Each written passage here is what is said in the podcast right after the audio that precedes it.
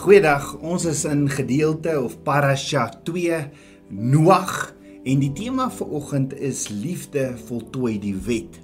Liefde voltooi die wet. Ons het gesien in Genesis 6 vers 9 staan, dit is die geskiedenis van Noag. Noag was 'n regverdige, opregte man onder sy tydgenote. Noag het met Jahweh gewandel. Nou hierdie is 'n redelike kragtige vers en ons het gesien ons het ons het gesien eers sê dit dat Noag regverdig was en regverdig in Hebreëus beteken tsadek. Noag was opreg wat in Hebreëus tayahim is en dan ook dat Noag saam met Abba Vader gewandel het. En is dit nie ook iets wat jy sou wou hoor Abba Vader van jou getuig nie? Abba Vader leer my egter verder oor Noag wat opreg of tayahim is. Die King James sê Noag was as just was a just man and perfect perfect in his generation and Noah walked with God. Nou hierdie hierdie perfect beteken nie Noag was sondeloos of foutloos nie. Nee beslis nie. So wat beteken Tayahim? Kom ons kyk na na 'n ander vers in die woord waar die woordjie Tayahim ook gebruik word om om te sien wat die woord werklik beteken. In Deuteronomium 18 vers 13 staan opreg Tanjahim moet jy wees met Jahweh jou God.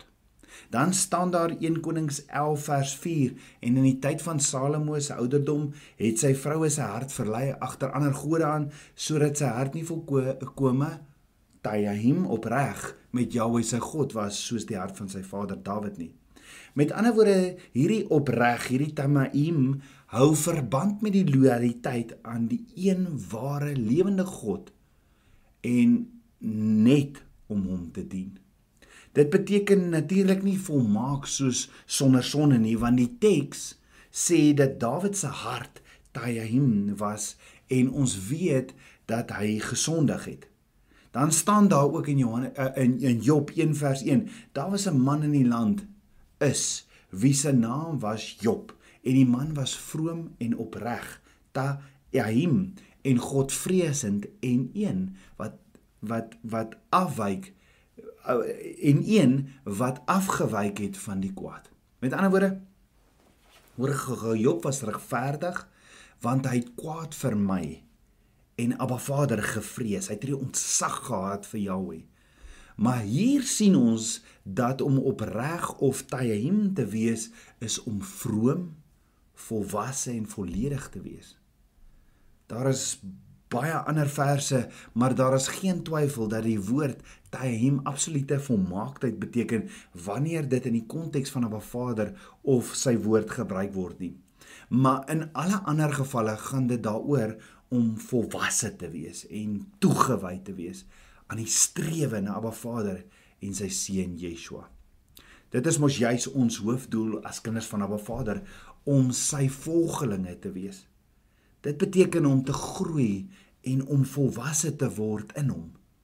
Jakobus sê in Jakobus 1 vers 2 tot 4: Ag dit loutere vreugde my broeders wanneer julle in allerlei versoekinge val sodat julle weet dat die beproewing van julle geloof lydsaamheid bewerk.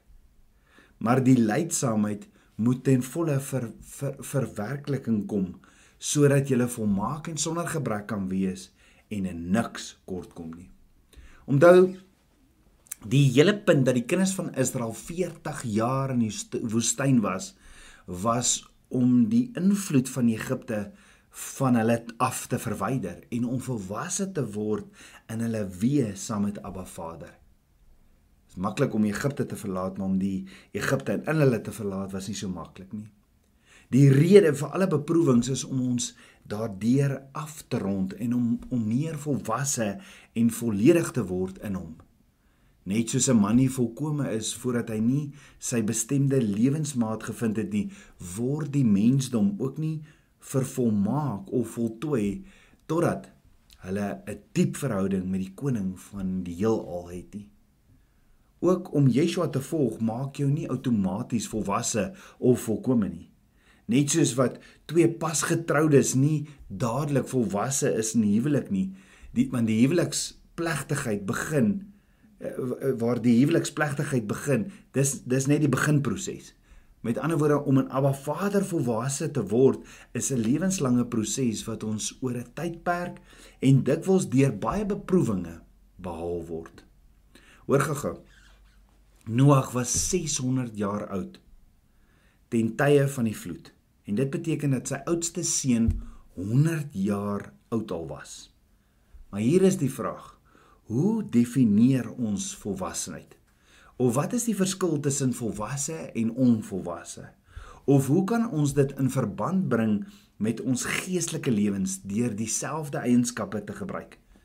Vandag sal ons iemand onvolwasse noem as hulle nie reageer en optree in 'n situasie soos 'n volwasse moet optree nie, nê. Diegene wat soos kinders optree, word onvolwasse genoem. Maar wat is die manier waarop 'n volwassene veronderstel is om op te tree? Daar's sekere etiketreëls wat in elke sirkel bestaan wat bepaal of 'n mens 'n volwasse persoon is of nie. Hierdie reëls of instruksies word van baie vroeg af geleer en is ontwerp om 'n kind te help om volwasse te word. Maar dit is nie net die etiket reëls wat die vlak van volwassenheid bepaal nie. Nee, kinders gaan ook skool toe om meer te leer oor die vakke wat belangrik is om volwasse en suksesvol te wees. Beide die leerproses en die geleerde inligting is deel van die grootwordproses tot volwassenheid. Op geestelike vlak kom dit neer op die leer van die woord en om te weet wat Abba Vader van my en jou verwag.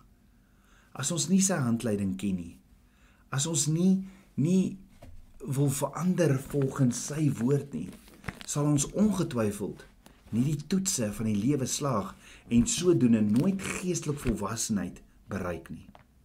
Dit sal ongelukkig veroorsaak dat baie mense dieselfde graad of vlak herhaaldelik sal moet herhaal. Maar wanneer ons egter Abba Vader se woord ken, dit mediteer, dit bepeins dag en nag, weet ons wat van my en jou verwag word as sy tabernakelskinders, sodat ons die doel kan nastreef wat tot volwassenheid lei. Maar as iemand sê dat die Ou Testament verouderd is of mee weggedoen is, dan gee dit nie net vir ons onvolledige 'n uh, onvolledige woord nie, maar ook 'n onvolledige gelowige. Hoor wat sê Paulus in 2 Timoteus 3 vers 16 tot 17. Die hele skrif. Toe Paulus hierdie geskryf het, praat hy van die die woord, die die Ou Testament. 2 Timoteus 3 vers 16 tot 17 sê die hele skrif is deur God ingegee en is nuttig tot lering, tot weerlegging, tot regwysing, tot onderwysing in die geregtigheid sodat die mens van God volkome kan wees vir elke goeie werk volkome toegerus. Paulus sê die hele skrif. En toe hy dit gesê het, het hy verseker gepraat van die Tenag, die Ou Testament, want daar was nog nie 'n Nuwe Testament nie. En Paulus sê dat die instruksies of gebooie van Abba Vader is wat vir alle leerstellings en teregwysings gebruik moet word sodat ons volledig volmaak taamim taamim kan wees opreg kan wees.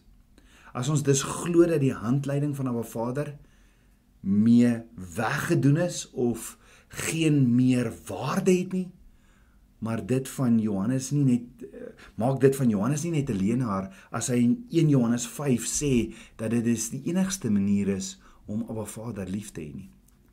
Maar Paulus sê ook vir ons dat ons nie volkome daarsonder kan wees nie. Hoor gou-gou. Een van die Griekse ekwivalente van die Hebreëse woord tahim is die Griekse woord plerou wat beteken om te vervul of om volledig om volmaak om te volmaak tot volmaking te bring. En dit bring ons sekerlik by die bekendste gedeelte in die Nuwe Testament wat hierdie woord bevat, naamlik Matteus 5 vers 17, waar Yeshua sê: "Moenie dink dat ek gekom het om die wet of die profete te ontbind nie. Ek het nie gekom om te ontbind nie. Ek het gekom om te vervul." Ple, plerou is die Griekse woord vir vervul. Yeshua het nie gekom om die wet, die Torah of die profete te vernietig nie, maar om dit te vervolmaak en volledig te maak. Dink daaroor. As iemand trou, word hy vervolmaak, volledig en vervul met 'n lewensmaat. Dit beteken mos nie dat hy nou van sy vrou ontslaas nie. Nee, inteendeel, hulle bestee die res van hulle lewe aan die verdieping van die vervulling wat op hulle troudag begin is. Die dag as jy trou, begin die huwelik en dan begin jy volgens die huwelikskontrak dan te leef. So dink daaroor. Die dag as jy trou, hoe gereed moet jy nie van daar af met jou huweliksmaat, hoe gereeld moet jy nie van daar af met jou huweliksmaat kommunikeer as jy 'n vervulde huwelik wil hê nie. Net so, hoe gereeld moet ek en jy nie met ons bruidegom in die hemel kommunikeer as ons volwasse, volkome en vervul in hom wil wees nie. Maar hier is die vraag. Hoe gereeld bestee jy tyd om met hom te praat? Om te leef volgens sy huwelikskontrak, sy ketuba, die woord. Wag jy vir hom of soek jy hom met jou hele hart? Wel, Abba Vader sê in Jeremia 23 vers 13, en julle sal my soek en vind as julle na my vra met julle hele hart. Jy sien, Noag is met 'n rede gekies. Hy het Abba Vader gesoek met sy hele hart en hy het saam met Abba Vader gewandel in gehoorsaamheid. Noag het 'n hart geopenbaar wat daarop toespits, wat daarop toegespits was om hom en sy weë te volg. Ja, Noag het Abba Vader geken. Die Hebreëse woordjie vir geken is yada en en verkies. Abba Noag het Abba Vader geken en verkies om die stelsel van die dag te verander en anders te wees.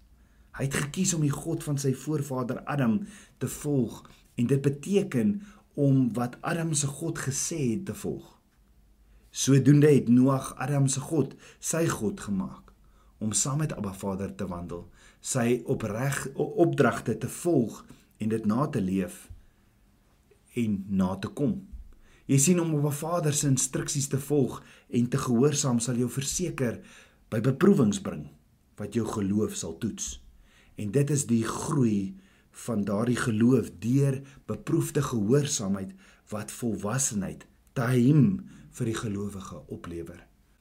Hoor wat sê Paulus in 1 Korintiërs 13 vers 11 tot 13. Toe ek 'n kind was, het ek gepraat soos 'n kind, ek het gedink soos 'n kind, geredeneer soos 'n kind, maar nou dat ek 'n man is, is ek klaar met die dinge van 'n kind.